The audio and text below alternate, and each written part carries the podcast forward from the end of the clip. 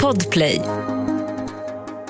Du lyssnar på Politikrummet, Expressens podcast om svensk politik. Idag om Magdalena Anderssons NATO-spurt, om Centerns vårbudgetbryderier och så berättar vi varför Socialdemokraterna slutar twittra, egentligen.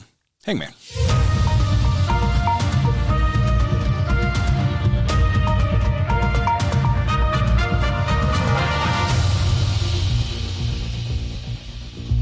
Det är tisdag den 3 maj 2022 och dags för det 29 sammanträdet här i politikrummet. Idag med Helena Gissén. Hej. Och mig, Viktor Bartkron. Det var första maj i söndags. Socialdemokraterna föreslog permanent höjd a-kassa. I en annan tid hade det varit en stor nyhet och ett potentiellt huvudnummer i valrörelsen. Och det kan det väl fortfarande bli, men just nu är fokus ändå någon annanstans. Ja, det får man säga. Just nu är det i Berlin. Idag är nämligen Magdalena Andersson och Sanna Marin, säger man Marin förresten? Det gör man va? Vi gör det i politikrummet ja, i alla fall. Sanna Marin på besök hos den tyska regeringen ju och det är ingen jättevild gissning vad de pratar om, nämligen NATO. Ja. Liksom vi brukar göra i den här podden, vi brukar ju inleda med att ställa oss frågan har vi gått med i NATO den här veckan och det närmar sig får man säga. Den socialdemokratiska, svenska socialdemokratiska så kallade dialogen om säkerhetspolitik den ska vara klar, eller den avslutas torsdag i nästa vecka den 12 maj. Dagen efter, fredagen den 13, lite passande sådär, så presenteras riksdagens säkerhetspolitiska analys. Alltså den som först skulle presenteras den 31 maj, den blev tidigare lagd. Och främsta skälet till det är förstås den finländska processen som eh, man har att förhålla sig till och vill förhålla sig till. Mm. Där ska, enligt tidningsuppgifter i Finland, presidenten och riksdagspartierna presentera sin hållning i NATO-frågan redan på torsdag den 12.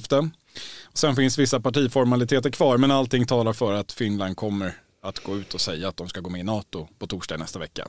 Ja, det kan man väl vara helt klar över. Ja, det var ju Ann Linde i Agenda också. Så ja. eh, om det, det, fanns några kvarvarande frågetecken i Sverige eller Finland så var de utredda där av den svenska utrikesministern. Lite lustigt. De regerande socialdemokraterna i Finland har fullmäktige på lördagen den 14, förmodligen mest en formalitet. Lördagen den 14 är det även utrikesministermöte i NATO som Sverige och Finland är inbjudna till. Allt det här Helena sätter ju rätt rejäl press på den här socialdemokratiska processen i Sverige. Ja, snacka om det. Egentligen är man ju inte avundsjuk på dem för att eh, allting här måste ju gå i expressfart. Och det här pratet, Förvisso lite självförvållat. Verkligen, men ändå. Eh, det här pratet om ett partistyrelsemöte i Socialdemokraterna där det hela då ska beslutas, att det skulle ligga den 24 maj, det kommer inte att hålla. Det kan man utgå ifrån nu. Det ligger ett partistyrelsemöte i kalendern då, men det, ja. det kanske hålls ändå. Men. Nej, de hade ju lagt det där för att ta beslut i NATO-frågan. Så om jag har fattat det rätt i alla fall. Jag tror inte det var ett ordinarie möte, eller? Vi släpper det. Ja. Men hur som helst, det kommer inte att dröja så länge utan eh, det kommer eh, betydligt tidigare. Rimligen måste ju allt vara klart när den finska presidenten Sauli Niinistö kommer på statsbesök den 17-18 maj, eller hur? Ja, det vore ju lite udda om i just detta läge, skede av historien, om det slutar med att han får gå runt och titta på fina saker med kungen som, som ett vanligt statsbesök. Det och en arbetsmiddag med någon handelsdelegation och sen åker alla hem och så blir det lite blommor och så. Nej, kanske inte ändå. Nej, kanske inte. Men det är ett pressat läge tidsmässigt och det börjar bli lite pressat även i debatten faktiskt. Alltså i, i den elfte eller kanske snarare trettonde timmen i denna process så har ju en kritisk debatt kommit igång vad gäller Sveriges och Socialdemokraternas förhållningssätt till NATO. Då. Huvudargumentet som lyfts på bredden är att det går för fort. Att det stressas fram och det är orimligt, eh, det borde förankras bättre, det krävs ett val, eventuellt en folkomröstning och så vidare. Mm. Eh, huruvida det går fort är ju förvisso ganska relativt. Då. NATO har funnits i 73 år. Liberalerna tog ställning för 1999, det är 23 år sedan. Moderaterna följde efter 2003, Centern och Kristdemokraterna de anslöt sig till den linjen 2015 efter Rysslands första invasion i Ukraina. Men visst, det som verkligen har gått fort har varit den socialdemokratiska omsvängningen från att det är oansvarigt att ens lyfta frågan pratar vi början av mars, ja. Eh, till att man börjar bära bort nej till NATO-plakat ur demonstrationstågen på första maj, det vill säga första maj. Här pratar vi mindre än två månader. Alltså. Ja, det är ju helt exceptionellt. De flesta menar ju nu att det i praktiken är klart, men det finns motståndsfickor som Svenska Dagbladet skriver. Idag så kom det fram då att Socialdemokratiska kvinnoförbundet, S-kvinnor, har bestämt sig för att stå fast vid sitt nej till NATO. Och det gör de ju då vid sidan av de andra sidoförbunden, SSU och Tro och Solidaritet. De har heller ingen lust att svänga om i den här frågan. Det är ju en liten lust i den här processen får man ändå säga. Det, det, det finns nu, det börjar rada upp sig en del nej-förespråkare de öppna ja-förespråkarna är ju inte särskilt många egentligen utan den här processen har liksom hela tiden drivits framåt och bilden av vad som ska hända klarnar genom anonyma källor ja, i visst, regeringskansliet visst. egentligen. Ja, visst. Själva säger de ju knappt flaska, även om Ardalan Shekarabi hade sitt våta finger uppe förra tisdagen. Lena Hallengren eh, sa att hon lutade åt ett ja i någon intervju på första maj, men det är väldigt, väldigt försiktigt från den sidan. Tre av tre sidoförbund säger nej. Spelar det någon roll? Nej, det gör det väl sannolikt inte. Min uppfattning är väl att, eller bedömning är att Magdalena Andersson, om hon bestämmer sig för att hon vill gå med i NATO och hon dessutom har tunga ministrar som Shekarabi då, troligen också Ann Linde talar allting för och enligt vissa uppgifter även Mikael Damberg till exempel. Så och Lena Hallengren. Och Lena Hallengren då, så kommer ju övriga inte att ta strid. Däremot så är det ju väldigt svårt att se hur eh, miljö och klimatminister Annika Strandhäll ska kunna sitta kvar på båda stolarna, både som miljöminister då och som ordförande i S-kvinnor. Hon kan ju rimligen inte företräda både ja till NATO och nej till NATO på samma gång, eller kan hon det? Alltså man ska ju aldrig säga aldrig när det gäller just Socialdemokraterna som ändå sa både ja och nej till EU. Ja, eh, tidigare har hon ju tydligen sagt just till Svenska Dagbladet att det går att sitta på båda de här positionerna samtidigt, även om man kommer till olika Eh, slutsatser. Men det låter ju som en väldigt jobbig spagatposition. Det är nog mycket möjligt att Annika Strandhäll tycker det, men jag är inte säker på att Magdalena Andersson tycker det. Men det, det är väl ändå ytterst det som spelar roll i sammanhanget.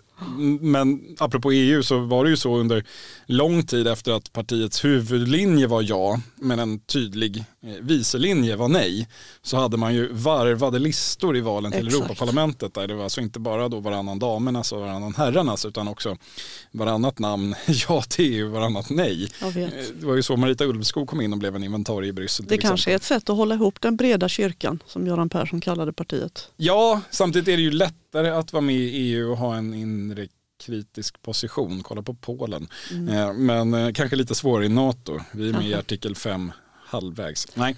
Det finns ju något ironiskt eller lite dråpligt med den här socialdemokratiska partidialogen då som är enligt uppgift pågående med upplägget på den då. Alltså det, det man först sa från Socialdemokraterna var att nej men vi kan inte ha en uppfattning om NATO för vi måste invänta den nya säkerhetspolitiska analysen som tas fram i riksdagen. Sen sköts det där över till att man kan inte ha en uppfattning innan den partiinterna dialogen är klar. Och det dråpliga är då att dialogen är klar dagen före den säkerhetspolitiska analysen presenteras. Man hade kunnat tänka sig en omvänd ordning som man händelsevis gör i Finland. Att man börjar med, med, med, analysen och sen dialogar man utifrån den. Det hade man kunnat tänka sig. Ja, men det hade krävt att man startade lite tidigare så lite självförvållad tidspress är det ju ändå vi har ja. att göra med här. Det är ett spel för gallerierna som pågår men sen får man ju ändå ha respekt någonstans för att det krävs en sån här variant och där partimedlemmarna ändå känner att de har fått en viss chans att uttala sig och säga vad de känner. Det hade kanske varit ännu konstigare om man bara hade gått till beslut utan att ha den här så kallade dialogen då. Ja, det är en modell för alla tider. Socialdemokraternas förmåga att vara kreativa ska man inte underskatta. I skuggan av NATO-turerna så pågår riksdagens vårbudgetprocess, en lite mer invecklad historia. Det kommer nyheter till höger och vänster, inte minst i dessa dagar, men numera måste man ju i praktiken ha något slags eh, doktorshatt i tillämpad statsvetenskap för att hänga med i vad som händer och vad det egentligen betyder. Ska vi försöka oss på en sammanfattning av det aktuella läget, Helena? Försöka kan vi alltid göra, men det är svårt även för mig känner jag ibland. Men idag i alla fall så lägger då de mindre partierna sina budgetförslag, sina eh, vårbudgetmotioner då. Imorgon kommer de större partierna. Och nu pratar vi alltså om de sju oppositionspartierna ja. i Sveriges riksdag, sju av åtta. Det är just vad vi gör. Men mm. det kom tidigare idag en debattartikel hos oss i Expressen från de fyra partierna i högeroppositionen. Det vill säga M, KD, SD och numera också L då, om att de har kommit överens om stora bitar i vårändringsbudgeten. De vill ge mer pengar till försvaret och polisen redan i år, mer pengar för vapen till Ukraina och så skriver de ihop sig dessutom om kärnkraft. Eh, och det som alla går och väntar på, nämligen beskedet om huruvida de klarar att komma överens om ett förslag om pensioner till de sämst ställda pensionärerna som det brukar kallas. Om de hittar en, en, ett motförslag som kan bräcka regeringens garantitillägg, som, det handlar ju om den där tusenlappen du vet till de fattigaste ja. pensionärerna. Det beskedet dröjer. De förhandlar men de, är inte, de har inte kommit så långt som de hade hoppats har jag hört. Det finns en hel del här alltså och då kan man ändå backa lite. Varför intresserar vi oss alls för det här då? Det gjorde vi ju sällan förr. Då presenterade regeringen sin budget. Man läste på ekonomisidorna så drabbas du eller de här är vinnare och sen så gick alla vidare i livet. Men Exakt. det är lite mer komplext nu. Ja det är ju det, för regeringen har ju inte säkrat stöd för den budgeten man har lagt. De måste ju ha med sig Vänsterpartiet, Miljöpartiet och Centerpartiet. Och vid, vid sidan om NATO-frågan så är ju just det här budgetdramat då huruvida regeringen ska få igenom sin vårbudget eller inte. Det är ju den här vårens stora politiska fråga. Alltså kommer Centerpartiet att fälla regeringens budget igen som de gjorde i höstas? Eller går de in som ett helhjärtat stödparti till den sociala socialdemokratiska regeringen. Och enligt vissa källor så har nu Centerpartiet bestämt sig att de kommer när det är dags för votering, då röstar de först för sin egen budget. Men i slutvoteringen så kommer de att rösta för regeringens budget. Det där är ju intressant. Eh, vi kanske får återkomma till det. Ja, verkligen. För, för Centerpartiet ju... skulle ju säga, de skulle inte själva säga att de fällde regeringens budget i höstas. De undvek bara att rösta på den. Exakt. Vilket de... regeringen hade hoppats att de skulle göra Exakt. i slutvoteringen. Och sen är det ju så här att oavsett om detta stämmer eller inte att de stöder eh, regeringens budget, det är långt kvar ska man ha klart för sig innan det definitiva beslutet fattas. Det är någon gång i mitten av juni tror jag, så mycket kan ju hända till dess. Men det blir problem för Annie Lööf och Centern oavsett hur de gör. Förra gången så kom ju beskedet samma morgon eh, om hur Centerpartiet skulle ställa sig. Eh, och det var då den här eh, kalabalikdagen vidtog där Magdalena Andersson valdes, avgick eh, ja, och så vidare. Ja. Men det finns, ju en, det finns ju en förhistoria där för vad som hände med just Centerpartiets förhållningssätt till denna budget. Ja, ja precis. Därför att det blev ju stort halabalå. Miljöpartiet blev ju så fruktansvärt eh, irriterade. Det var ju så här då att vad som hände var ju att eh, högeroppositionens budget släpptes ju då fram och det är den som nu gäller. Miljöpartiet blev rosenrasade och hoppade av. Det blev regeringskris. Det var ju inte deras uppgift tyckte de att genomföra Sverigedemokraternas politik. Och det som hände för Centern var ju då att de tappade väljare eftersom det ansågs att de plötsligt gav Sverigedemokraterna inflytande som man lovat att de absolut inte skulle göra. Så de fick ju kritik, dels för det då, men också för att de först hade släppt fram Magdalena Andersson som statsminister och sen följde hennes eh, politik. Och det här argumentet de körde med då att de bara följde praxis genom att rösta på sin egen budget och sen lägga ner sina röster. Det var ju väldigt svårt att förklara pedagogiskt för, för väljarna. Ja, med tanke på allt som har hänt och hur, eh, hur det har blivit nästan en slags, ett slags praxis då att inte följa det som en gång i tiden var praxis utan ja. nu förväntas man stödja, stödja ett förslag i slutvoteringen. Det var ju ganska många turer där ja, som var svåra att förklara men reaktionen i väljarkåren var som du är inne på ganska tydlig.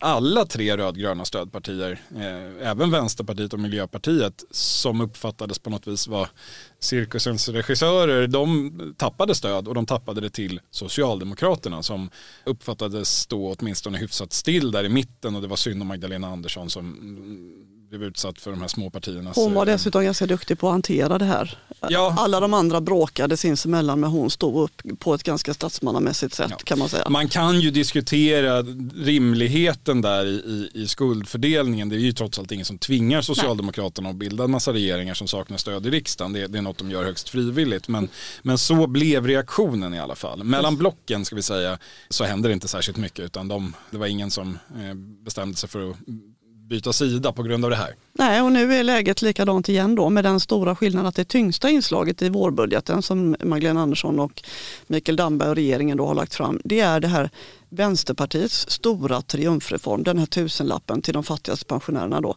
Nooshi-tillägget eh, som Vänsterpartiet gärna kallar det. Med en värld i gungning blir det viktigare än någonsin med kunskap och diskussion.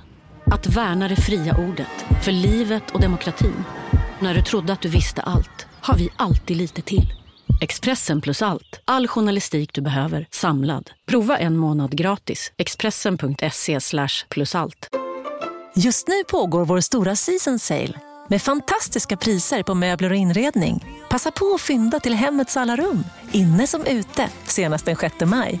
Gör dig redo för sommar. Välkommen till Mio. Som Garantitillägget säger Socialdemokraterna. Ja, precis. Och det där förslaget är ju krångligt, det är illa konstruerat, det bryter mot viktiga principer i det svenska pensionssystemet tycker ju alla experter då på området, Pensionsmyndigheten och andra. Men nu låter ju även Socialdemokraterna som att det här är en toppenidé. De har ju adopterat det här vänsterförslaget och gjort det till sitt främsta vallöfte, i alla fall hittills. Ja, så, så till den grad att det ser daglig irritation från så här, Ulla Andersson och Ida Gabrielsson och så här, vänsterpartister som surt kommenterar S-ministrarnas eh, pompösa tweets om, om eh, hur viktigt det här är att ni var emot det här för några månader sedan. Ja, det där är den stora, det stora dilemmat som stödparti får man säga. Alltså, som regeringsparti har du inte så mycket annat val än att adoptera de förslag du Nej, vad ska man göra? åtar dig att driva. Nej, man man skulle ju precis kunna tro att det här gör det ännu svårare för Centern att faktiskt stötta den här budgeten. Alltså själva grundanledningen till att vi har den här lite cirkusartade situationen i riksdagen och inte minst då i samband med budgetprocesser. Det är ju att Centerpartiet, de vill ha en socialdemokratisk statsminister och ingenting annat eftersom Annie Lööf själv inte kan bli vald. Men de vill absolut inte ha samröre med Vänsterpartiet. Man vill inte förhandla ditåt. Problemet är att Socialdemokraterna behöver både Centerpartiet och Vänsterpartiet för att kunna besegra ett samlat förslag från högern. Vilket har tenderat att komma i slutvoteringarna. Precis. Och om Centerpartiet faktiskt stöder den här budgeten då, då blir det ju lite ironiskt. För då stöttar man aktivt Vänsterpartiets framförhandlade politik utan att ens själva har varit med och förhandlat. Man blir nästan ett passivt stödparti till Vänsterpartiet och det var ju inte riktigt tanken med den breda mitten från början. Nej, alltså det, för dem är det ju ett otroligt knepigt läge. Om nu Centern röstar för regeringsbudget, vissa, vilket vissa uppgifter då talar för, så, så riskerar de ju en, en väldigt stor svekdebatt. Då röstar de ju mycket riktigt igenom den här vänsterreformen som de själva angått de angav ju den som orsak till att de fällde budgeten i höstas. De sa att vänstern hade ju fått alldeles för mycket mm. inflytande och borgerligt sinnade centerpartister kommer att bli sura på det här. Det finns en risk för falangbildning i partiet även om Löv är en mycket skickligare partiledare än Liberalernas ledare när det gäller att hålla ihop partiet. Då. Ja, förra, kan, Liberalernas förra förra, förra, förra ledare. Ja, för, ja, absolut. De kan ju, Centern kan ju motivera ett ja med att det är kris i världen, det är kris i folks plånböcker inklusive pensionärernas och det är ju så Socialdemokraterna nu lägger fram det. Och då kan Centern säga men vi tar ansvar för Sverige i en svår tid. Vi vill också att pensionärerna ska ha det bra. Vänsterpartiet hade rätt. Ja, om de istället gör som i höstas då, att de följer praxis och därmed fäller även vårbudgeten, då blir ju Magdalena Anderssons position ännu skakigare. Det blottlägger bara månader före valet att vi har en väldigt svag regering som saknar stöd för sin politik och det kan då uppfattas som ansvarslöst av Centerpartiet i ett krisläge där Sverige och Finland dessutom kanske är lite extra utsatta under en NATO-ansökningstid och så vidare. Så de kan motivera detta med att de är ett mittenparti, de röstar på sin egen politik, det är regeringens ansvar att söka stöd för sina budgetar och att allt inte alltid kan hänga på Centerpartiet. Ja, det, eh, det, var ju så man argumenterade även förra gången, eh, försökte i alla fall. Och man ska ju sägas det, det var inte så att man fick 0% i nästa SIFO, men man tappade substantiellt stöd och inte minst tappade Annie Lööfs personliga förtroendesiffror rejält och då inte minst i gruppen rödgröna väljare. Inte helt oväntat kanske. Men så hur gör man då? Ja, men då kanske det blir så att de faktiskt eh, ändå har bestämt sig för att stödja regeringens vårbudget till slut och ett tecken i skyn det, det kan har varit den här presskonferensen där deras ekonomisk-politiska talesperson Martin Ådahl ställde sig bredvid finansminister Mikael Damberg förra veckan och mm. presenterade ett stort paket Och eh, det finns ju uppgifter om att eh, Moderaterna och Centern innan hade gjort upp om ett eh, paket i finansutskottet. Men sen går då Ådahl till Mikael Damberg med samma uppgörelse och får Damberg att gå med på åtminstone en del av de här förslagen. Och då blir Ådahl nöjd och ställer sig på den här presskonferensen med Damberg och presenterar detta. Men Eh, och sa att han hade gjort förhandlat på upp, eller han, han, Till och med på uppdrag av finansutskottet. Ja. Då gick topplocket vet jag på en del eh, moderater. Det är bred mittensamverkan by not asking any questions first. Men det är intressant att det ändå finns topplock kvar hos Moderaterna när det gäller Centern. Ja, ett par stycken kanske. Ja, det har ju flugit något i veckan i alla fall i snart fyra år nu. Men det, det, ja. det finns alltid något kvar som kan flyga iväg. Men det finns i alla fall de som tolkar den här gemensamma presskonferensen som att Centerpartiet nu har valt Socialdemokraterna permanent. Att de kommer att vilja sitta i en socialdemokratisk socialdemokratisk regering efter valet om nu den rödgröna sidan vinner och att det egentligen är det enda sättet för Annie Lööf att överleva politiskt. Det är det enda sättet för henne att sitta i en regering i så fall och eh, kunna nedkämpa Vänsterpartiet från den plattformen. Det är ju ett intressant resonemang, eh, ett optimistiskt får man säga. Jag undrar om Vänsterpartiet delar den bedömningen. Alltså, även en SC-regering skulle ju med all sannolikhet vara beroende av Vänsterpartiets aktiva stöd och jag kan tänka mig att det kommer finnas många vänsterpartister i det läget som kommer tycka det är jätteroligt att ställa ja. det ena ultimativa kravet efter det andra till eh, de centerministrar som aldrig någonsin skulle ge dem något Ja men det är ju så, det finns ju frågetecken här och eh, vi vet ju att Vänsterpartiet viker ju inte ner sig i första taget nej. nu för tiden. Precis nu för tiden, nej. Det finns ju en annan X-faktor här också, vi var inne på det när det gäller just garantitillägget. Eh, Sverigedemokraterna, alltså bara för att krångla till saker ytterligare, Sverigedemokraterna har ju också sagt att de kan stödja garantitillägget om inte högern gemensamt kommer fram till ett bättre alternativ då i SDs ögon som då helt enkelt också ger pensionärer en massa pengar omgående. För de vill inte att Socialdemokraterna ska kunna banka i huvudet på väljarna att SD de stoppar minsann fattigpensionärer från att ge barnbarnen julklappar i maskopi med den onda högern. Nej, nej, självklart precis. Och det sista Ulf Kristersson vill dessutom det är att tappa Sverigedemokraterna till Socialdemokraterna i en så här viktig fråga då kort före valet. Så att nu kämpar ju då högerblocket väldigt intensivt med att hitta ett alternativ till det här så kallade Nooshi-tillägget, garantitillägget då, för att annars eh, riskerar ju Sverigedemokraterna, eller de riskerar ju att tappa Sverigedemokraterna då eh, i den här frågan. Så det förhandlas för fullt, men det är ganska långt kvar så vitt jag har hört. Nu är det ju å andra sidan ganska lång tid kvar också. Nu lägger då alla oppositionspartier sina skuggbudgetar idag och imorgon. Sen börjar riksdagsbehandlingen så att det är egentligen inte förrän i juni som alla måste bekänna färg. Så vi får anledning att återkomma som vanligt kan man säga. Det kan man säga.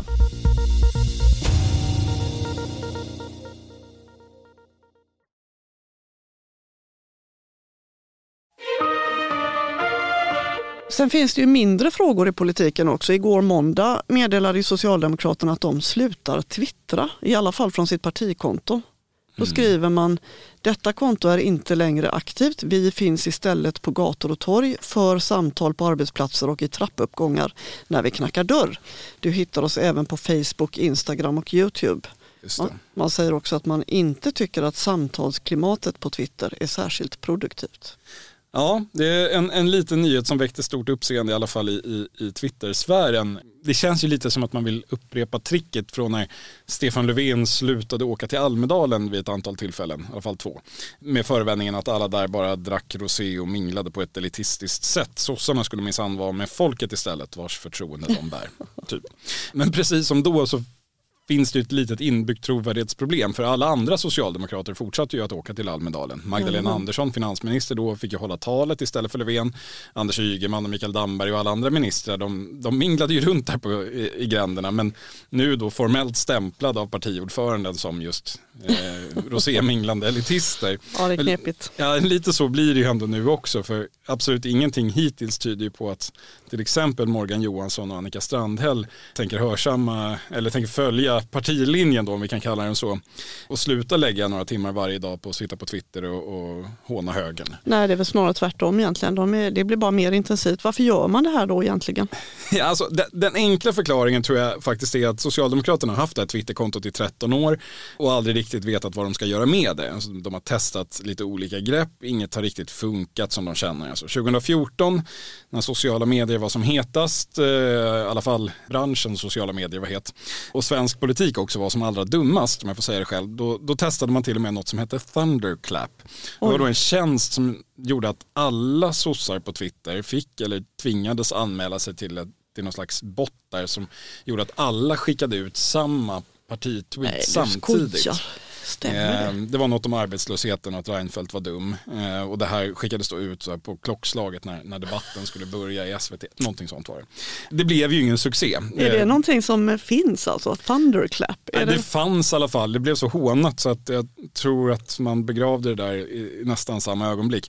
Alltså, då vill jag också säga att det är ju inte konstigt att man inte har fått till det eller vad man nu hoppades. Alltså, Twitter är ju ett medium där det personliga tilltalet spelar stor roll. Ett statsbärande parti kan inte vara person personligt. Man kan inte sitta och skoja och göra Nej. roliga memes. Gör man det hade det gått åt skogen ännu mer.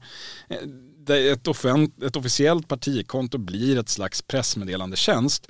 Och det är väl ingen fel idé kan man tycka. Men Nej. det tycker man uppenbarligen. Man kan inte leva med att, eh, att vara så medioker och man twittrar ut något citat från partiordföranden och får fem retweets. Och det, det blir för pinsamt och därför så väljer man istället att göra någon sån här mjuk populistisk poäng. Det är det, min analys. Det kanske är lite fiffigt tänkt där men samtidigt har de inte en poäng att samtalsklimatet kanske inte är så himla produktivt. Det kan ju vara väldigt mycket klagomål, högt tonläge. Det är ju ganska grälsjukt kan man säga på Twitter. Det kanske inte är så givande att vara där. Eh, jag vet inte hur mycket tid de egentligen har lagt. Alltså det, det här partikontot det är väl någon, någon i staben som sitter och skickar ut. Inte som att de inger sig i någon jättestor dialog. Men det är väl också lite udda att här, skylla på samtalsklimatet och sen hänvisa folk till Facebook och YouTube som kanske inte är kända för att vara liksom, filosofiska rummet eh, på längden och bredden och tvären. Men alltså om man, eh, man ska försöka spå en liten seriös analys på detta. Så här, jag tror att om det blir maktskifte i höst, mm. då kommer det att låta annorlunda från socialdemokrater och rödgröna överhuvudtaget. För sociala medier är roligast när man är i opposition. Och kan vara bråkig. Ja, alltså det, jag tror att det finns ett sånt mönster, inte bara i Sverige utan i andra länder också. Det är den bild jag får när jag läser tidningar från andra länder. Att det är ofta så att den regerande sidan klagar på att eh, Twitter det, det, är bara någon vänsterliberal eh, liksom, eh, sörja som, som, där alla hatar oss och det är förskräckligt, lägg ner den där tjänsten. Och sen så blir det maktskifte så blir det annorlunda. Alltså Twitter i Sverige, sociala medier överhuvudtaget. Före 2014, på alliansregeringens tid, så var, var ju den breda uppfattningen att det var rödgröna krafter som dominerade. Mm. Och det var allianspolitiker och debattörer och ledarskribenter som tyckte att det var så förskräckligt eh, tonläge och allt var så hemskt.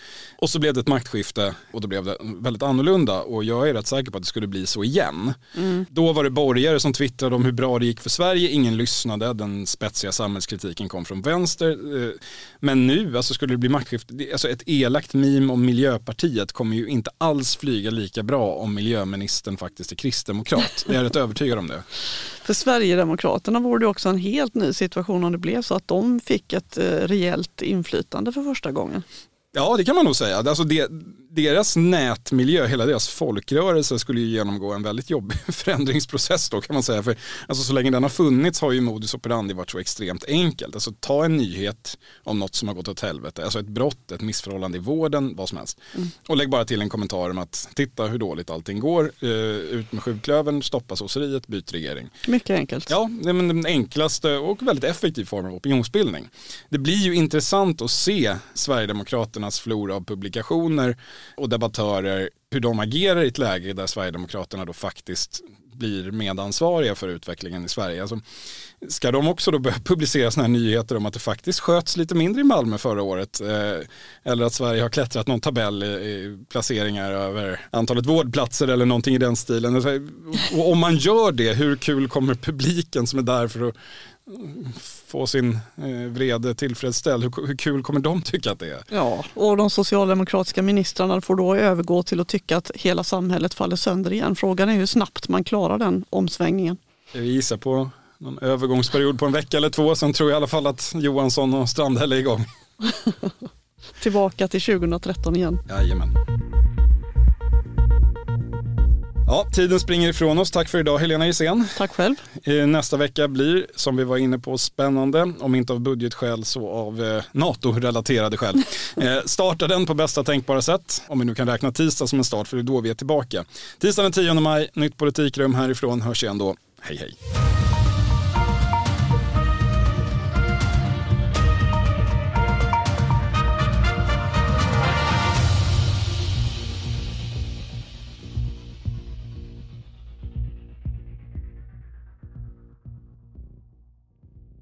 Du har lyssnat på en podcast från Expressen. Ansvarig utgivare Klas Granström. Hej, Synoptik här. Visste du att solens UV-strålar kan vara skadliga och åldra dina ögon i förtid? Kom in till oss så hjälper vi dig att hitta rätt solglasögon som skyddar dina ögon. Välkommen till Synoptik.